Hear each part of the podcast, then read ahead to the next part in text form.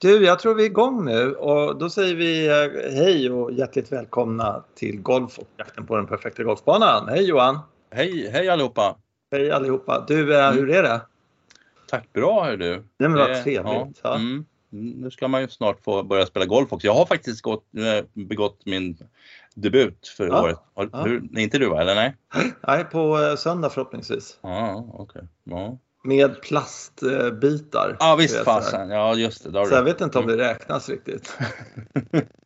Ja, det var en plastbit mellan bollen och, och jorden där så då räknas inte golfrundan direkt för Men då behöver du inte räkna den här enorma scoren på din handikapp heller. Nej, det kommer jag garanterat slippa. Mm. eh, på alla sätt och vis. Och sådär. det där är ju rätt intressant. Eh, Man kan ju börja var man vill egentligen. Vi, Mm. vi, har ju lite, vi har ju pratat lite innan vad vi ska prata om och så- sådär. Ja, mm. Eh, eh, och då kan man där med, med att eh, skriva scoren och sådär. Liksom, att räkna Ja. rundorna och allting sånt där. Och de flesta jag känner eh, är väldigt noga med det. Alltså tycker det är väldigt, väldigt roligt. Okej. Ja. Eh, jag vet inte om jag tycker det. Jag tycker alltid att det är, eller alltid men eh, då, i början på säsongen så tycker inte jag det är någon idé att skriva för då har man inte spelat någonting. Så då, Nej. Ja. då går det bort. Första tre, fyra rundorna. Eh, och sen så, så är det alltid någon idiot man får spela med. Då går det bort. Nej men det kan vara, sån det kan vara sån här väder liksom. Att det, helt plötsligt är det halvstorm när man ska ut och spela. Ja. Räknas den golfrundan då? Liksom? Nej, och så förfölj, Nej. nästa runda förföljs man av otur. Alltså. Och, puttarna vill inte, nej men jag håller med, jag, jag, känner, jag vet, känner ju dig så jag vet att du, tyck, du tycker inte om att skriva ditt score helt enkelt. Nej. Kan jag berätta, och det gillar inte jag heller, så där, där har vi ju någonting. Det Nej, gillar de. men, så, Ja. De Mm. gånger jag spelar bra och känner Ja. liksom att eh, ja, okej nu eh, börjar jag sådär. Då har jag ju örnkoll på min score och vet precis hur många Ja. grinträffar och allt sånt där. Eh, men, men de här skräprundorna, då, jag, jag tröttnar liksom på något sätt att kämpa för en, liksom, en 95 Jag tycker inte det är så kul helt enkelt. Så jag bryr mig inte då. Utan då, då släpper jag alltihopa och så håller jag bara på och slår bollen liksom. Mm. Vilket jag tycker är en sund inställning. Jag vet inte riktigt varför man ska kämpa för att redovisa hur jävla dålig man var den dagen. För att Nej, jag fattar inte heller. Golfförbundet vill veta hur jävla usel jag var. Så då spelar man gärna lite ännu sämre bara för att retas med dem tycker jag. Ja, precis. Hoppas att det är någon som blir arg. ja. Ja, mm. så är det. Men du, jag tänkte Ja. börja med, med eh, en sak som jag tänkt på en del och följt den här veckan och förra veckan Mm. som jag tycker är superintressant egentligen. Så. Mm. Eh, och så har jag liksom eh, kollat lite och så. Och det är det här Live Golf, de här Saudi-pengarna. Absolut. Se, Ja. De har ju startat och då är det åtta tävlingar eh, och eh, det är ett låst startfält. Det är ingen kvalgräns, det är 48 spelare. De spelar tre varv istället för fyra och allt det där. Mm. Första tävlingen är den 9 till 12 juni eh, utanför London Mm. på ett Centurion som är en privat eh, golfbana som ser rätt schysst ut sådär. Inte Mm. jättefantastisk på något sätt sådär. Och ingen av de där klassiska golfbanorna som man tänkte utan det är en ny, ny bana då. Jag känner inte igen eh, banarkitekten men, men de har gjort ett gediget bra. Mm. Grejen med det här som jag tycker är så fascinerande på något sätt sådär. Eller det finns många saker som är fascinerande. De, eh, de har alltså 30 miljoner dollar Jag vet. Ja. Det är sjukt. och då kollade jag liksom Players som är den Ja. bäst betalda Mm. hittills. Den är 20 miljoner dollar. Ja. Masters är 15 miljoner dollar. Masters är en fattigmanna. Alltså de, alltså de har de, det går så dåligt för dem på Masters, de stackarna. blir- Och Players är inte långt därefter liksom. Nej. Och de, är de stora mästerskapen vet jag inte, men, de, alltså US Open, de ligger väl efter Masters också? Ja, ja, de ja. kanske ligger där f- typ 15 men de ligger inte uppe på 20 på Players. Och, och då är liksom när det är Players, då är det ju för fan 150 spelare. Ja. Så nu ska du bara slå 47. Liksom. Ja, men det blir... På, och du, du ska hålla på i, i fyra varv normalt sett och, och tjata det här. Nej, nej, det är tre Nej. varv så är det klart. Liksom. Fredag, lördag, Mm. söndag. Poff, bang, boom sådär liksom. kan de gå av efter 16 om de känner att de kommer att vinna ändå? Liksom, eller, Nej, men det är spännande. Vi, snack, vi skämtade lite om det här du och jag. Att just det här att man, jag, jag tänker mig att man, man, man, kan titta på filmer på sin mobiltelefon. Liksom. Det går ju alldeles utmärkt.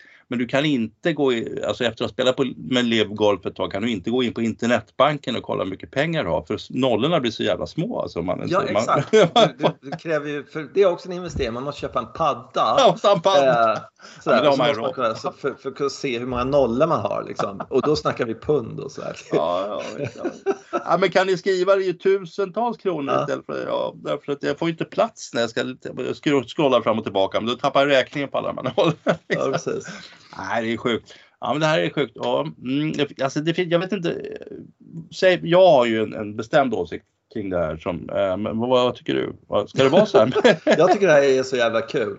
Ja. Därför att ja. eh, så här, alltså det finns en liknelse ja. på det här som jag tycker är mm. ganska liksom så här. Det, det är den här, eh, när man sätter på bio liksom och såna här grejer. Du vet man, man, eh, eh, det, man, man är på skolgården typ där och så kommer det någon jävel och, och ska mobba en liksom sådär. Mm. Va? Mm. Och sen så visar det sig att det finns en ännu större bakom den här lilla mobbaren. Liksom sådär. Ja, och då ja. ser jag den här lilla, det ser jag som Europatoren.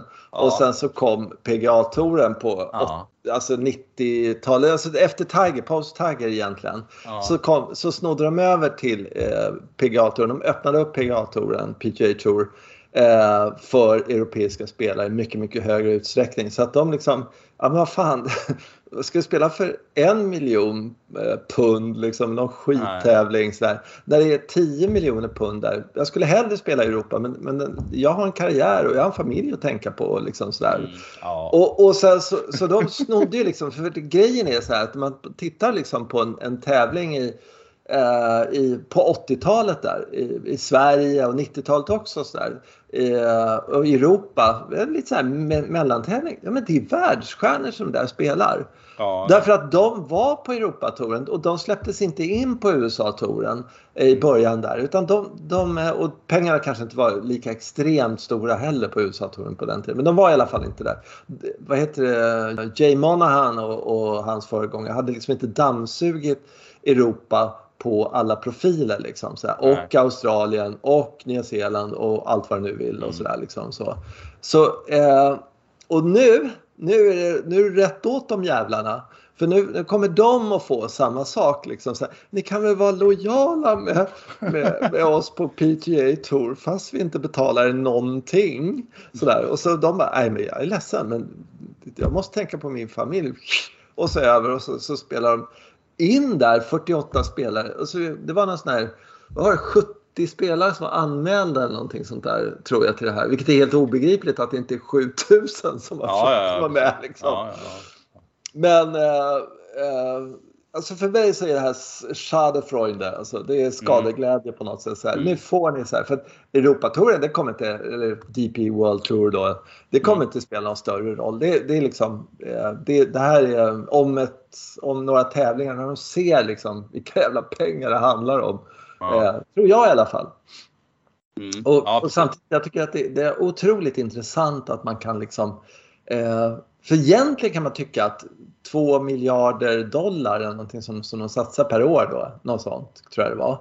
Eh, alltså det är ju inte ja, det är mycket pengar på ett sätt men samtidigt så liksom någon börskrasch hit eller dit 2 miljarder dollar, det är ju ingenting. Det är ju kaffepengar. Och på, för 2 miljarder dollar så kan du liksom ta över hela elitverksamheten i, eh, eller i alla fall hota ordentligt eh, åtta gånger om året. Det, jag tycker det är rätt häftigt. Mm, det är spännande, men jag kommer tillbaka till det här som Tom Wishon skrev i sin bok. Han, han skriver ju om golfklubbtillverkning, han är ju klubbtillverkare. Liksom. Mm, han mm. väldigt sur på de andra, de stora företagen då, just för att de de har så stora marknadsföringsbudgetar. Och ja, han, han, ser ju som, var fan kommer de pengarna ifrån? De borde ju ha lagt de pengarna i klubben istället. De borde ha köpt ordentliga skaft istället har de satt på några halvdåliga skaft på klubbarna mm. och sen, så, så, så, har de budgetar att betala spelare för att spela med de klubbarna. Så. Det, det, det känns som hela tiden finns det marknadsföringsbudget så är det någonting skumt bakom det och, och ju större den är desto mer skumt är det naturligtvis. Och, och, de här Live Golf är ju väldigt tveksamma marknadsföringsbudgetar skulle jag säga. Då. Det, är, mm. det är en massa oljepengar och grejer och, och från diktaturer och, och sådär. Men, men alltså, det är väl ofta så med just de här proffspengarna att man får betalt för att spela någonting. Så det, det är väl lite svårt att peka på att, eh, att det skulle vara... Du kan ju ta spelbolag eller vad du vill. Så det är ja. också en jävla eh, skit liksom. Lura mm. folk att tro att de kan bli rika genom att spela. Eller, ja, just, och, och, då tar du bort alla fotbollslag i hela världen. Ja, som just, egentligen inte har mm. någon sponsor längre och sådär. Mm. Eh, och sen har du Röda Korset kvar och de betalar jättedåligt kan jag meddela. Liksom, Ja, men, men och det är också ja. så här, man tittar på mm. alla de här golfklubbstillverkarna. Så mm. eh, inte alla, men många, många fler. Man blir jätteförvånad. Kolla, vem, vem äger Wilson? Liksom, så mm. Ja, då kan du ge fan på att det är något, något eh, det är inte liksom eh, Johnny Wilson-släkten eh, eh i Oklahoma nej, eller någonting nej. sånt där. Va? Utan det var det kanske en gång i tiden sådär 1913 eller någonting. Men, men sen visade det sig att det är någon Sydkorea-konglomerat eh, där och var kommer de pengarna därifrån? I, mm. sådär, liksom. så att, man, det där är, det är jätte... Ja. Ja, det är knepigt. knepigt. Ja, det är lite knepigt faktiskt. Sådär. Och ja. eh, det han säger, Tom Wisham, att eh, jag köper fan inte det. För att om det var så att de skaften var så fantastiskt mycket bättre och att du fick två slag lägre score. Mm. Då tror jag att alla golfare som var lite halvbra sådär, de skulle spela med de skaften. Tror du inte det? Ja, det gör de ju också. Alltså, grejen är att om Jaha, du, är så. Ja, om du är noggrann med dina klubbor då, då, då, köper du ett skaft eh, som det står någonting på, Graffel Oil eller någonting, att det står tillverkaren på. Så. Mm.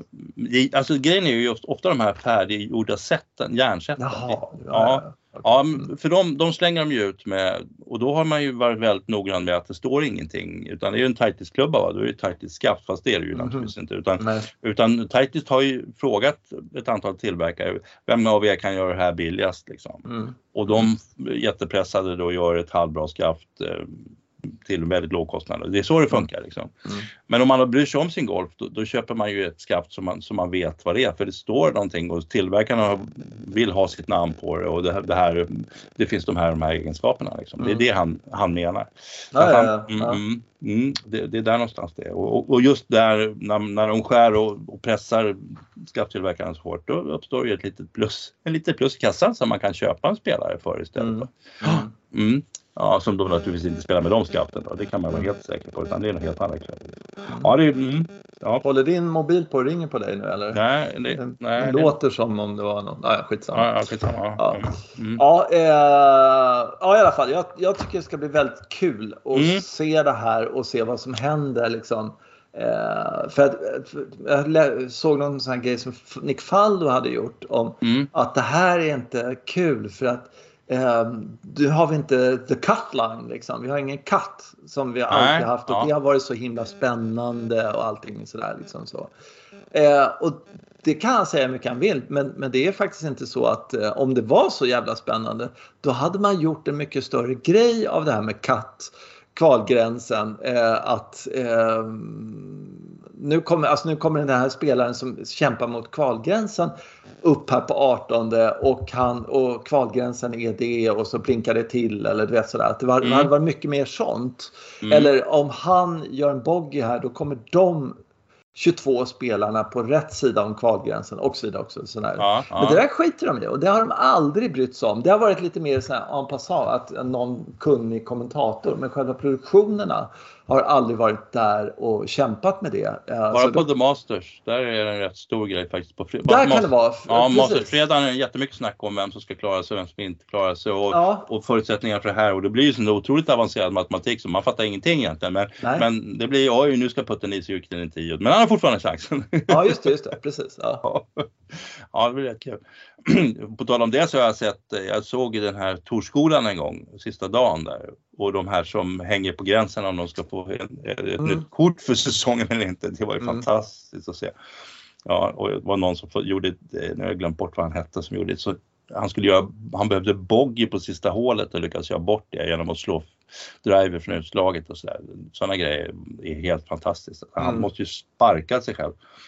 Eh, fast i och för sig, han var ju över 50 så han hamnade på, på eh, veterantouren och tjänade massa pengar nästa år istället. Så det, var, mm. det fanns ju upp, uppsidor från honom också. Han kanske gjorde det med flit. ja, precis. Annars blir tvungen på att spela på PGA-touren. Ja, I med vattnet. Bli utdriven av de där 22-åringarna. Jag är inte ett år nej, till, jag orkar inte. inte nej, nej, nej. Jag, vågar inte, jag kan inte säga det här till min fru. Att jag, jag måste, måste göra en snygg sorti. Ja, men så, du har historien var sån. Ja, precis. Jag valde, valde fel. Ja, nej, men det var... Ähm, äh, jag, jag bara tycker att det är...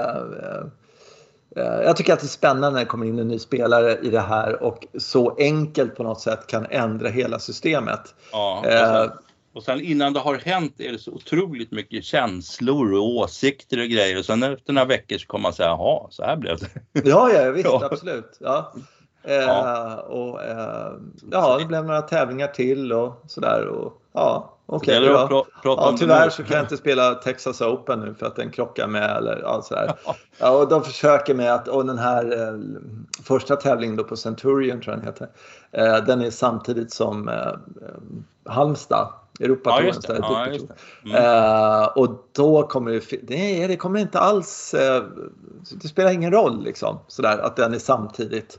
Men just tv-mässigt, för det är också så här, vad de ja. ska visa det här, det har de inte sagt någonting om. Eh, och eh, ja, nej, det får se. Ah, nej, men ja, jag, jag, tycker det här, jag följer det med stort intresse i alla fall och eh, mm. jag tycker det är så eh, kul att se vilka som tar chansen att liksom på en tävling eh, dra hem liksom, ja, för dem liksom, tre årslöner. Liksom. Ja. Det, det, är ja. fantastiskt. Ja, det, är, det är som att skriva en hitlåt. Det finns ju några stycken som har gjort det här under och sen, ja, sen är det försörjda ja, för resten av livet. Den här gången är det lite enklare. Det är bara att dra ett mail till uh, liksom, hajen och så är det bra med det. Liksom. Tre bra runder på Centurion, ja, sen är ja. man försörjd för livet. Nej, för fan, det är bara att komma dit och sen så är det klart. Ja, i och för sig. Exakt, det är så mycket pengar på sista platsen också. Ja. Ja, ja fantastiskt. Ja. Jo men överhuvudtaget, det, det är väldigt mycket i det här som är väldigt sunt också att om de får 48 spelare som är intressanta, om de kan välja ut dem på det sättet eller efter ranking eller vad nu är. Liksom sådär, så, så att det är ett litet startfält så, så är det ju de spelare man vill se istället för att det är 149 eller vad det nu är på en vanlig tävling. Det är ja. väldigt, väldigt många som eh, man inte känner till och sådär. Så är det mm. ju alltid när man ser ja. ja. Ja, det är lite för mycket folk det är naturligtvis. För publik, publiken och TV hinner ju absolut inte med. Det är, ju, det är, väl, det är väl där det börjar handla om att jaha, hur ska vi visa det här? På något sätt? Mm. Hur då? Ja, liksom. ja, men, ja. ja. det är ju TV-kanalerna, det har vi pratat om tidigare, måste på något sätt klyva sig själva i flera sändningar som, och så man, måste man själv kunna det här som eh, Masters mm. har försökt med att man kan gå in ja, och ja, ja. här är den kameran. Och sådana mm. saker. Men och det har inte hänt ännu. De är lite konservativa de vill ha en tv-produktion som det heter istället för att man börjar producera själv och sådär. Det där är ju tveksamt mm. också. Det finns många som är liksom lite bakåt och inte vill ändra. Och, nej, men det här nej, är jag förstår dem också för att jag menar som Masters gör, men då så fort det blir reklam då går jag in på datorn, eh, ja. mm. data och, och liksom kollar eh, massa klipp på spelare som jag vill se och så ja, nu är de tillbaka igen. Ja, då har de ju förlorat och då borde folk inte betala reklam där. Nej, mm. Men det skiter ju de i för de har så mycket pengar i alla fall. Och så, så liksom pro the game på riktigt liksom. Att man Nej, men Masters är ju en fattig turnering. Alltså de har ju inte så mycket pengar. Nej, de... Han kommer tillbaka. får vi tänka om nu för att um, ja. så här kan vi inte ha det. Folk liksom, jag är ledsen men Masters den, den krockar ju där va. ja. Ja, men jag kan inte spela en amatörtävling liksom, utan jag måste spela en proffstävling. där finns det pengar med. ja, precis. Ja. Lite nålpengar så här. Kan ja, nej, det går inte. Det går inte ihop budgetmässigt. Nej, nej. Mm, mm. Ja, alltså jag har ju funderat lite över den här, eh, alltså Greg Normans roll i hela vad som driver honom. Jag tycker det är spännande att, för, det är egentligen ju han som är en väldigt stor mm. rebell mot golfetablissemanget. Mm. Eller var det Alltid varit det. Ja, det har väl i och för sig varit. Ja. Ja. Nej, men han hade ju det där för 15-20 år sedan så sa han det, det här går inte, vi kan inte ha Europatouren, Asientouren, bla bla bla. Vi måste ha, Nej. eller det går, men vi måste ha ytterligare ja. en tour där ja. de bästa alltid möter varandra. Okay. Och ja. så drog han, tyckte han det var ett jättebra förslag och då blev det Europatouren och då, blev och då körde de de här eh, fyra, fem tävlingarna. VGC-tävlingarna. Eh, VGC och det var ju mm. svaret på det och så fick inte han vara med i det där då, fast det var hans idé. och det tror jag, eh, och han är ju en sur jävel så att han har ju liksom...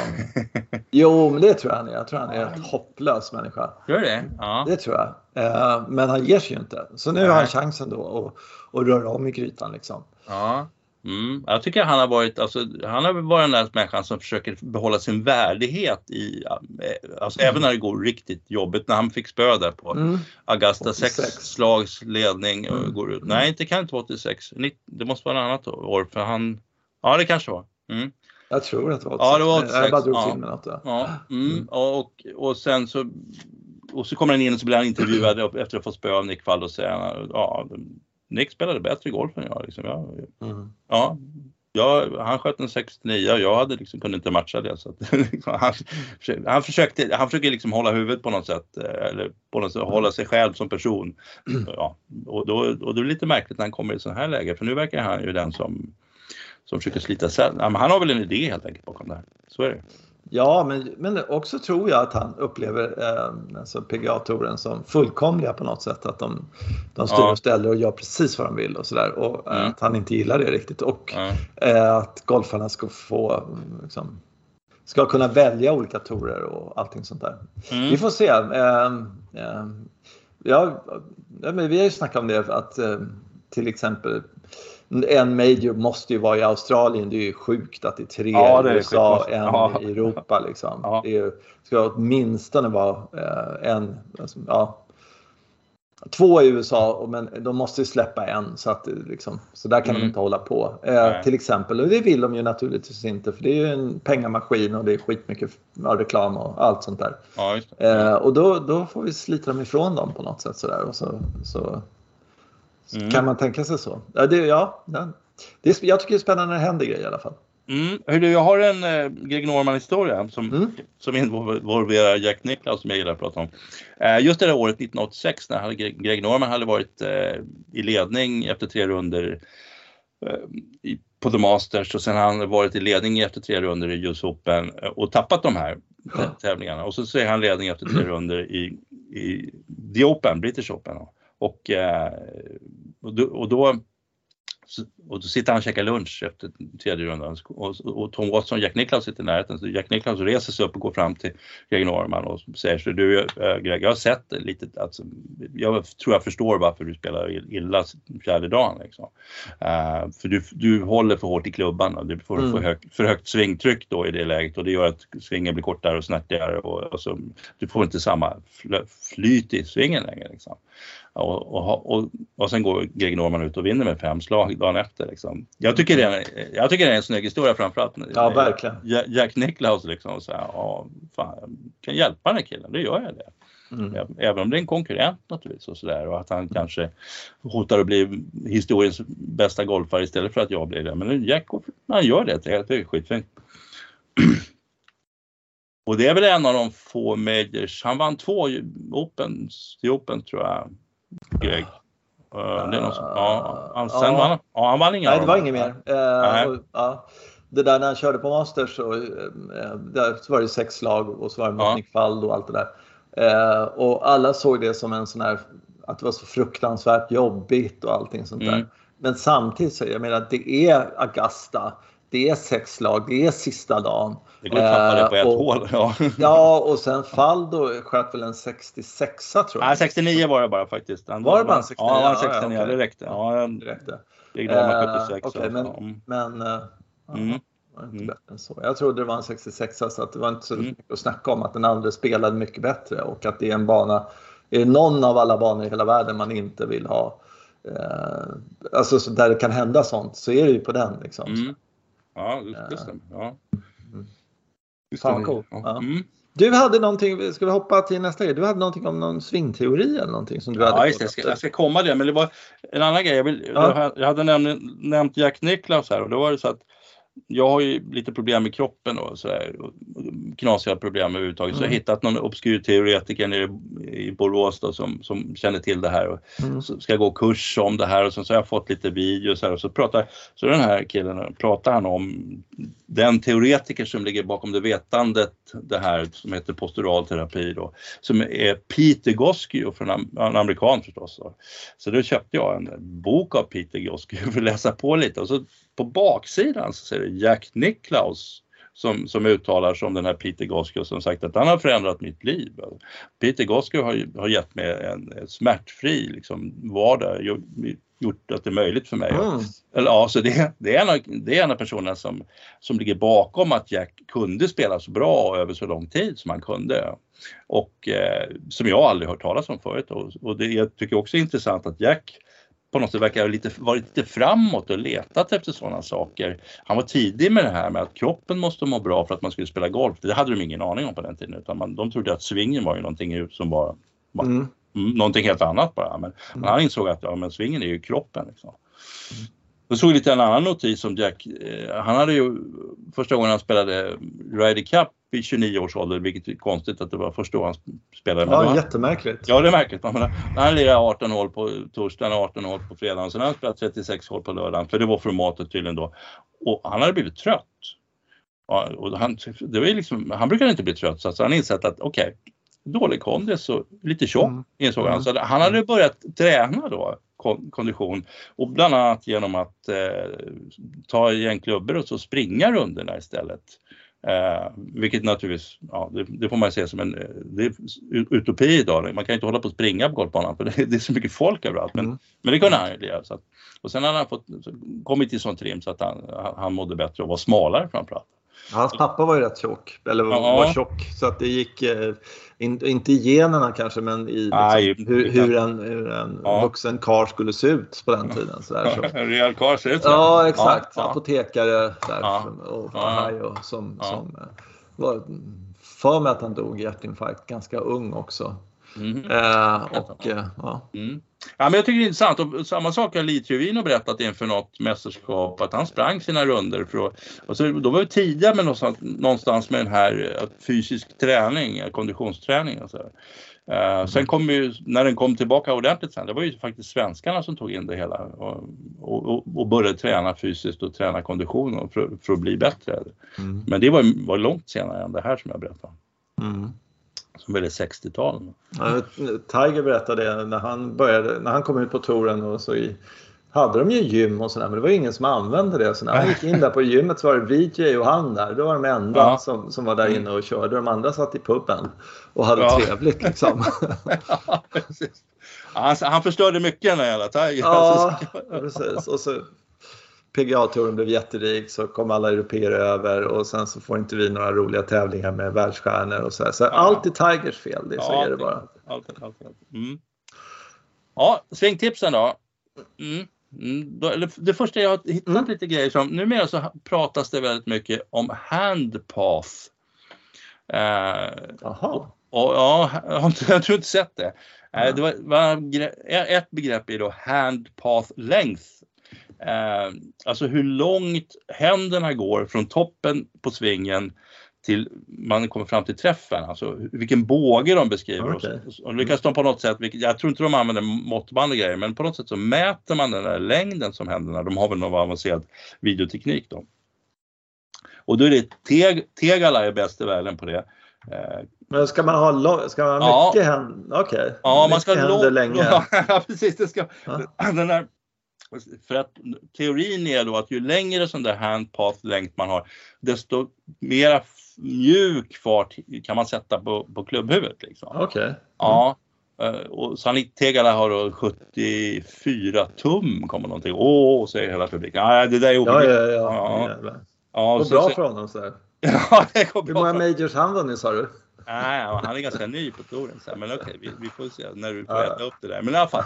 Ja, och sen han, han Vilko Ninabe ligger tvåa ja. med 71 tum eller någonting. Det är ju liksom, men, men alltså, min, när jag läste det här så tänkte jag så här, okej. Okay, det, för det första kan det här inte vara tillämpbart liksom för den vanliga golfaren. För att det kan ju inte bara fråga om, vara fråga om hur långt händerna går utan det måste ju ha någonting att fråga om vilken bana de beskriver och sådana grejer. Nej, det är bara hur långt, spelar ingen roll. vifta med dem bara, vifta med dem.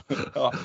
Ju ja. längre desto bättre. Så ja, det, ja. ja, precis. Och, och sen var den andra grejen som kom att tänka på, så här, jag känner ju till alltså till exempel Tony Finau och Jon Ram, de kan ju inte ha särskilt långa, för det handlar ju mycket om att man ska få upp händerna högt ovanför mm. sig, i mm. lång, alltså i lång sving. De, Tony Fina och John Ram, John Ram slog ju längst av alla för ett par år sedan med en väldigt kort backswing som han gör av någon anledning. Då. Så ja, men det är därför hans äh, högerben är, ja, är svagt. Ja, eller hur? Alltså att det har någonting med något ben att göra. Då har han kommit på att han måste göra så här. Och ändå så slog, slog han längst. Men ändå så tycker de här som forskar på det plötsligt att det här med hand path length är, är viktigt på något sätt. Så här.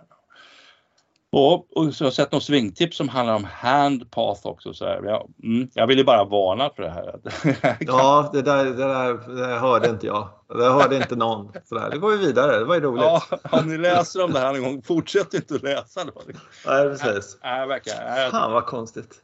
Ja. Nej, jag vet den där Ninaber, det går ju han, ja. går inte så jättebra för honom sådär. Men äh, det har inte slagit igenom. Men man, namnet känner man ju till och man har sett honom svinga och ja. han slår ju något så överjävligt långt den här killen när han får träff. Mm. De hade något klipp när han slog den 400 meter. I och för sig, det var inte svag uppförsbacke precis. Men eh, fruktansvärt eh, krut liksom. Sådär. Mm. Eh, men att, att hans sving var väldigt lång och sådär, det vet, vet jag inte om jag... Ja, men det är 71 tum från... Ja, ja, ja, jag tar det. Ja, fan, det är 71 tum, det är ganska mycket. Alltså, en tum, det är ju nästan 3 centimeter. Ja, 2,5 centimeter, 255. Ja, men i alla fall. Fan, och, och du... ska, ja, vad kan jag ha? 3 dess eller? Nej, men alltså, det finns också med i den här artikeln jag läste. Ja. Det, ja, en normal spelare, handikappspelare har ungefär 50 tum. Eh, okay. Ja, som blir 125 centimeter, Nå någonting sånt där. Ja. Eh, Medan de ligger då 20, 24, ligger sannolikt före då. Han, har mycket längre handpath då. Så på, på något sätt under den där den där händerna beskriver den här bågen så kan de då sätta fart på, ja, ja men i alla fall så är det. Men, och... Ja, hur hittar du det här? Googlar på någon sån här “jag vill förstöra min sving totalt” eller liksom sådär? Eller? Nej, nej, men, nej, men jag, nej, men jag har ju fått en sån där eh, ovana då att jag sitter på det, det, är någon som presenterar artiklar i, i, i, man kan dra, alltså i telefonen, alltså bort till vänster här någonstans så kommer det upp artiklar, lite osorterat kan jag säga. Men och, och då är det väl Google och då när jag, så går jag ju ofta in på de här golfartiklarna och det betyder att den presenterar fler, fler golfartiklar för mig. Så att jag kommer med, och jag tycker att jag hittar kul grejer. Jag förstår att man inte ska göra sådär för man hamnar i sin egen liksom, filterbubbla och allt sånt där. Jo, jo, jo, det är ja. precis så. Man ska bli en riktig nörd. Är... Ja, precis. Men så, så att här, där hittar jag saker och ting och, nu, och den nästa grej jag ska presentera, det har jag också hittat där liksom. Så, eh, och, och det, eh, du kan ta upp det på skärmen om du vill. Det är The Juju Swing. Eh, som stavas J-U-J-U, The Juju Swing. Ja, kolla. Ja. Kolla, kolla den får se. Den är, fast det, där, det å andra sidan tycker jag är väldigt nyttigt men samtidigt väldigt spaceat. Det pågår ju på själva hemsidan om du kommer in på The Juju Swing så är det ju, går det ju bilder hela tiden på The Ja, ja men det har jag sett. Alltså ja, jag sett. Ja. något liknande. Eh, ja. Alltså, mm. ja, men det är just få, få lite läg helt enkelt. Ja men det handlar ju om, alltså, det, det, är ju, det här är ju Matthew Wolf fast på, liksom, på, ja, på steroider. Ja, liksom. ja. på steroider. Det är ju en enorm kurva. När man, om man tittar på klubbhuvudet så går det ju nästan rakt upp utanför kroppen och sen så gör det en jättesväng och kommer ner igen.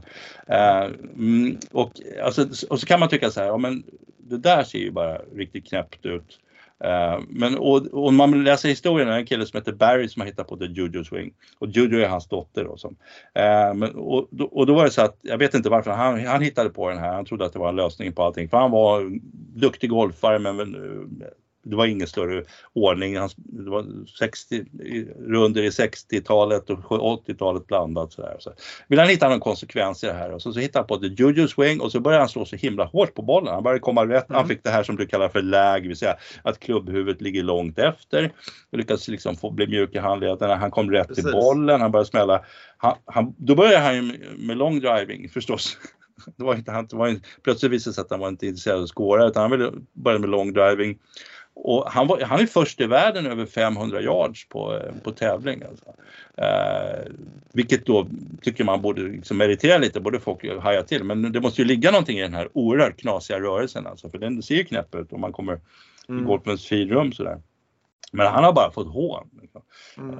Folk har hållit på att håna honom, vilket gjorde att han, han drivs hårdare och hårdare för att liksom sprida det här. Och sen så har han då en do, adoptivdotter som, eh, som han vill, vill, inte lära henne den här enormt knasiga svingen för han visste ju, han ville inte att hon skulle bli hånad.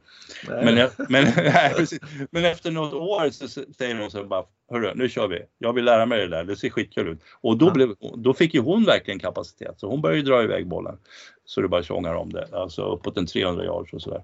Eh, och, och, fick ett jättelyft som spelare då. Så.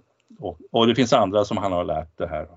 Men om man tittar på den här svingen då, jag tycker det är intressant för man kan ju inte bara säga att ja, men det här är ju bara liksom, dumheter. Man måste titta lite mm. varför mm. funkar det här? Jag tycker det är jättespännande. Mm. Mm. Ja.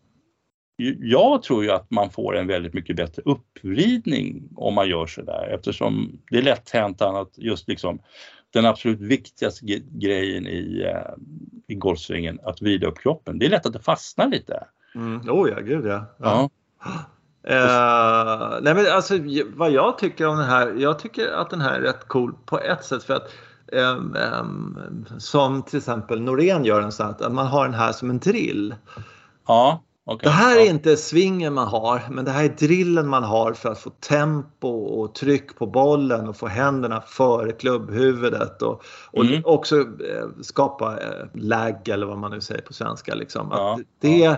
det är, är, är, en jättebra drill helt enkelt, att överdriva saker och ting på något sätt. Sådär. Sen, mm. eh, ja, ja. Mm. Men du skulle inte göra det liksom om det bara, oj du står och tränar. Nej, nej, nej inte för alls var i Småland. Liksom. Folk skulle garva ihjäl sig om man liksom så. Och då, man får ju sånt tryck på sig. Man måste ju lägga en liksom, eh, stiff i flaggan varje ja, gång. det är så. Ja, ja.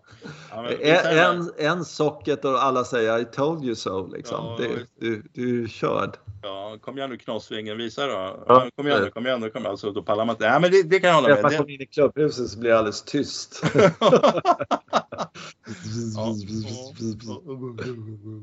ja. Och så, så någon bara,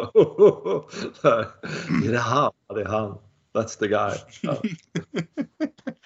Ja, men alltså är det inte lite förledande samtidigt om man liksom läser om och förstår hur, när man tittar, jag tittar på de här svingsekvenserna, mm. hur bra de kommer till, klubban kommer till bollen, ja. klubbhuvudet ja. inifrån ut, de får så mycket tryck mm. för att de har fått igång kroppen, kroppen funkar så bra. Liksom.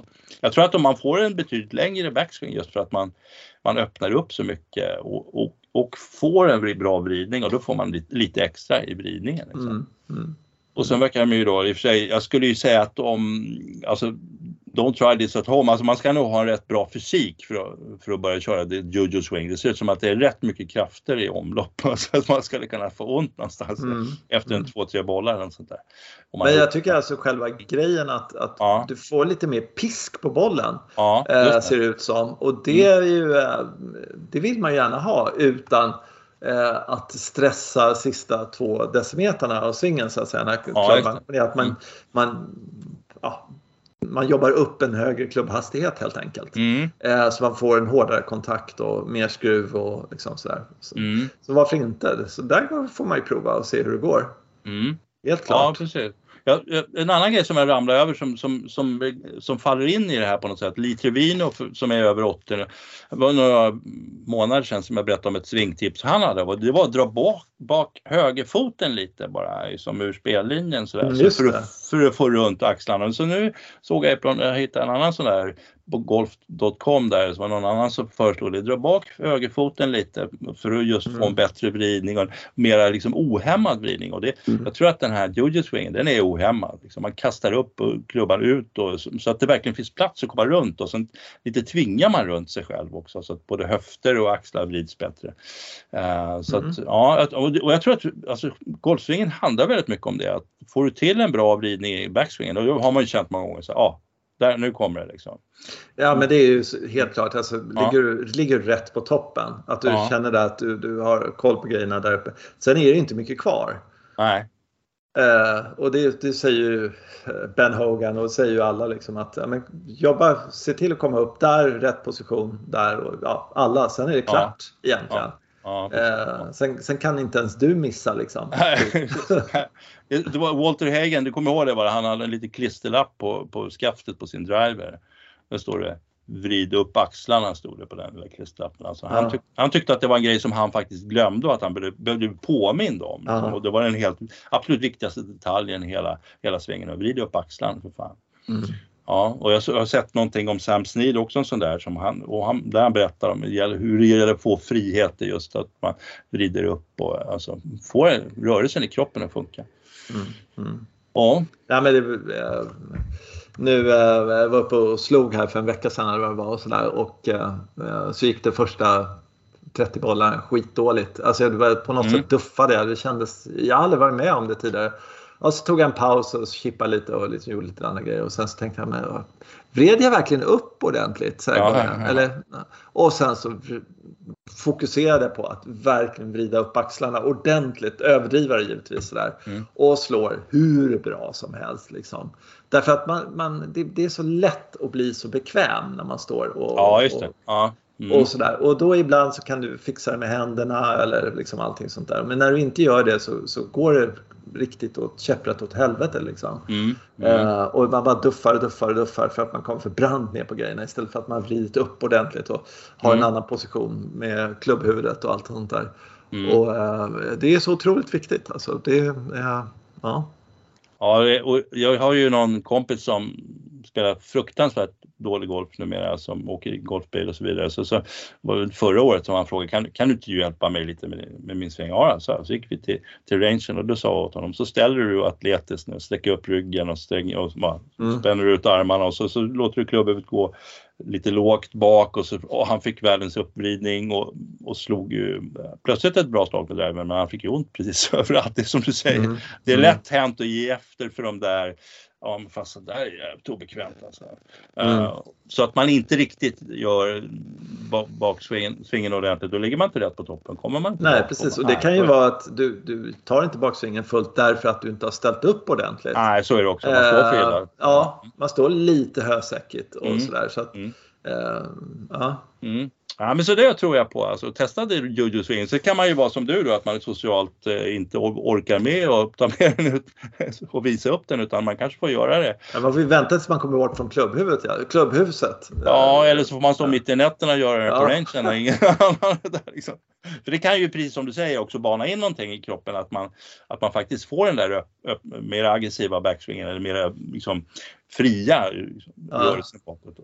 Så kan Men det, det var ju, det var ju någon pro eh, som hade lite problem med en golfspelare då, som var jävligt duktig. Eh, mm. Som var så fokuserad på var bolljäveln landade så han, han orkade inte med så han tog en han tog dit honom mitt i natten och så hade han ficklampa och så ställde han upp honom och så ja. slog han iväg bollen så, där, så han inte skulle bry sig om vart bollen tog vägen. Mm. Och han slog den helt fantastiskt. Han hittade hela svingen, allting var liksom skitbra och han var mm. grät av lycka, gick därifrån, liksom, betalade. Mm. Men så gick han lite fel ner i ett dike och bröt benet. okay, men det var viktigt att se vad man gör i alla fall, så är det kanske. På sätt och vis bra, men, ja, men ja, äh, ja, ja, han hittade svingen för att sen... Han bröt benet. Ja, precis. Så var det klart kört i alla fall. Då. Ja, nej, men det är roligt. Det där påminner lite om den där undersökningen de har gjort. Hur, hur långt eh, före träffen man kan, man, man spelar, ställer en spelare inomhus och när kan man släcka mm. lyset liksom i golfsvingen och det visar sig att det är, är ju ganska långt bak i svingen. Mm. Så man kan mm. släcka lyset och man träffar bollen alldeles utmärkt ändå. Liksom. Mm. Saker och ting är förutbestämda, in, inställda och liksom det, det händer inte i sista, sista tiondelen sekunden. Utan det är, äh, Kotte Broberg skrev någonstans att han ja. körde, blundade och Ja, just det. Mm. Mm. För, för liksom känna i kroppen vad det är och inte titta på sådär. Jag har provat det där, det är skitläskigt ja. eh, faktiskt. Så att, eh, inte för mig. Eh, jag kände inte någon slags trygghet eller sådär. Eh, han, han är ju lite bättre. Han är inte med förresten nu, de är i Spanien och spelar. Vilket, ja. och det är fan irriterande när man tittar på, på svenskarna. De, de, ah, de, de är inget bra nu för tiden. Nej. De har dåligt självförtroende hela gänget. Ja. Eh, Eh, det är liksom en, möjligtvis två som klarade kvalgränsen förra veckan. Eh, de ligger långt ner i fältet och eh, det är så irriterande för att jag tror att om någon av de där skulle, av vad de nu är, 6-7 stycken, skulle börja spela bra, då skulle de andra, jaha, men jag känner ju honom, han är ju bra, eller jag Ja. kan ju slå honom. Jag är bättre än dig även. alltså. Ja, exakt. Ja, ja, mm, ja, Och då hade de helt plötsligt legat där topp 20 hela gänget liksom. ja, det. Eh, om, om bara någon bryter isen istället för att säga liksom att kvalgränsen det är jättesvåra grejer. Som det verkar som alla, nej men de verkar kämpa för Ja, kvalgränsen ja. hela gänget just nu. Mm. Eh, eh, och eh, för övrigt så är de på den där, vad heter den, Catalunya. Ja, just det. Ja. Som man har sett tidigare några gånger och sådär och massa bilder ifrån och sådär. Alltså det är en helt fantastiskt vacker golfbana måste jag säga. ja, det, det var... Det Var inte du där? Jo, har jag Ja. berättat, vi har ju berättat historien, jag kanske inte gjort det här i podden, men vi var ju där uppe på någonstans norr om eh, Barcelona. Mm, just det. Min fru och jag för en vecka sedan så tyckte vi på avstånd att men fasen är inte det där Max Anglert från Ågesta som går där borta. Så bara sprang vi fatt honom och så, men vi hann inte fatta honom riktigt. Han är in på något hotell och så frågade vi i receptionen, nej, fick de inte avslöja. Men till slut fick vi i alla fall snacka med Max och så berättade han att ja, vi är här och spelar Europatour-tävling, det har inte vi hållit koll på Nej. på PGA de Catalunya. Så vi åker dit. Ja, då åkte vi dit dagen efter förstås och titta. Mm. Ja, jo, det är det. Det är en fantastisk anläggning och också väldigt praktiskt för att man är väldigt lite publik i Spanien. Så är det ju i Ja Spanien. det är det verkligen. Ja, fantastiskt lite publik. Ja, så, ja. så att man fick ju tillgång till. Jag gick ju jättenära spelarna framförallt. Vi gick med Max boll där innan vi insåg att han blev för nervös. Det var inte riktigt så vi okay. Nej. titta på någon annan istället. Och så, sådär. Så att, nej, men den är jätterolig och den är ju väldigt nästan Augusta-kuperad liksom. Är, Ja, ja, ja. verkligen. Det verkar vara ett sånt där område som eh, helt gjort för golf får man en Ja, känsla av. Alltså ja. det är så vansinnigt många golfbanor på eh, DP World Tour där det är massa bilvägar bakom eller Ja, höghus. det. Men här Ja. får man här ro-känslan när man ser dem spela. Mm. Riktigt Mm. skoj faktiskt. Eh, det enda som är riktigt trå- tråkigt är att, eh, ja som sagt, det, eh, Mm, det, det är. Sebastian Söderberg plus, eh, han sköt en 80-runda. Det är konstigt, han hade så himla självförtroende förr, slutet på Ja. förra säsongen. Alltså. Ja, när man var på Mallis och det gick ju Ja. jättebra där. Och, Ja. eller, Ja. ja. Som, ja, när man spelade ju i Spanien också. Valderrama så var det Ja. bara att han klantade sig lite på eh, Ja, 17 där. 17 där. Jag har Ja. aldrig sett Ja, någon vara i de där träden. Liksom. Ändå liksom. Ja. Det är ju Mm. skitbra. Eh, så, och sen så, nej, det är bara plus ett, plus tre, plus fyra. Det är, Mm. Där. Och, och de som leder nu eh, är på minus sju. Så att, eh, ja. Mm. Nej, men det fanns rätt mycket, alltså PG- PGA de Catalunya, den är ju rätt så ny. Det, Mm. det hör man ju lite att de har byggt, men, men det, det är rätt trevlig golfkust där uppe eh, faktiskt. Nu kan inte jag uttala mig om det, det var ju ett 20-tal år sedan vi var där. Mm. Men, men, Mm.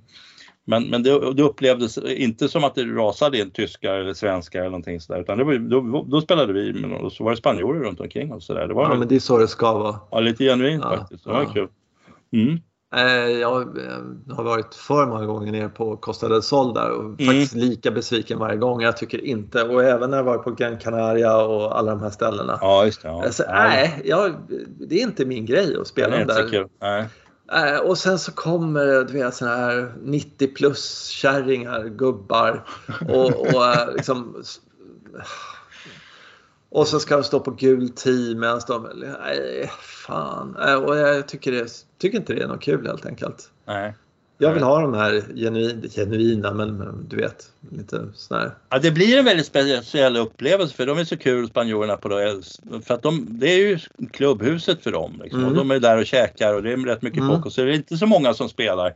Så att, så att det är ju, alltså jag tycker de, de har sitt sätt att- betrakta den här. Sen är det ju lite mycket överklass kanske för min smak. Men, men, Mm. men, men nej, jag, jag gillar det. Det var väldigt genuint när vi var där. Jag kan ju inte svara för det nu. Jag hoppas det hållit sig lite så. Men vi var ju på Mallis och så spelade Ja, vi den där Santa ja. Ponsa. Där Ja. var ju sån här liksom, klubbhus där det, det var bröllop och det var 40-årsmiddag. Ja, men det var luncher liksom och det var familjer där och sådär. Golfen, det var på något sätt, ja det kan ni hålla på med också om ni tycker det är roligt. Så här, men nu är vi här och ska...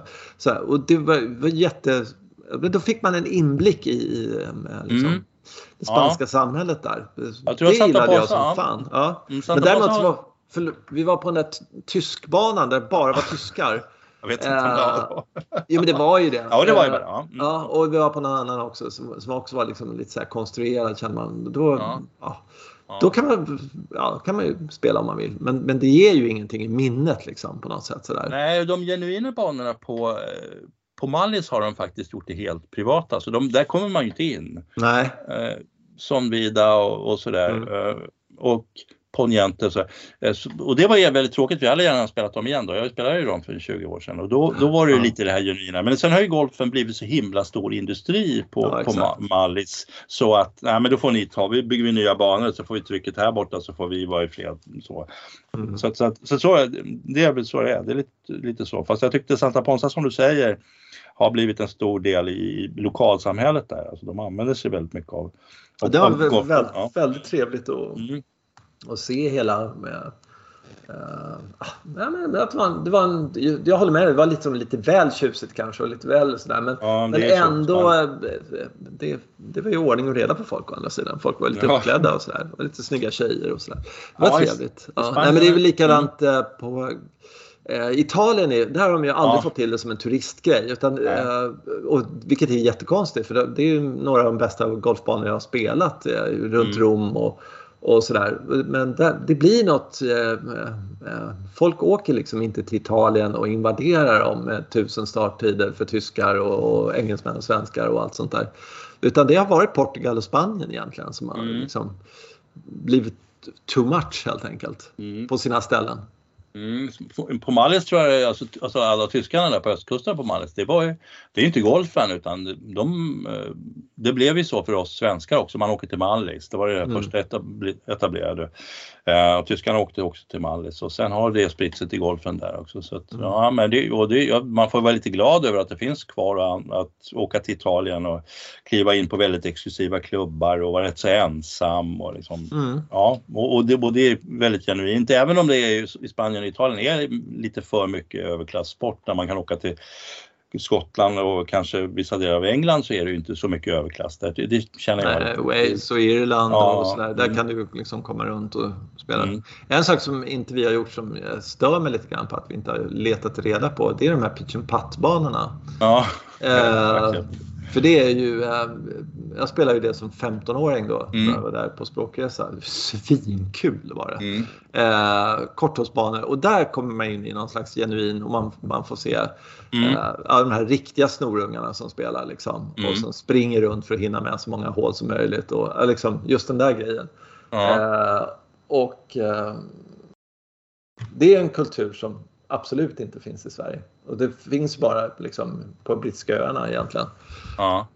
Ja, men vi spelade någon liten bana på någon liten kulle, det var 18-årsbanan, min fru och jag i Glasgow. Mm. Men det var det också sådär att sen, då, då fick man kommentarer för sitt spel när man kom i klubbhuset. Man sitter där och käkar lunch och säger ja det här och så, här, så snackar de med en och så där. Det tycker jag är skitroligt. Ja, ja, ja. ja och lite sura att man var lite så här, du ringer drive, drive pitch den här banan.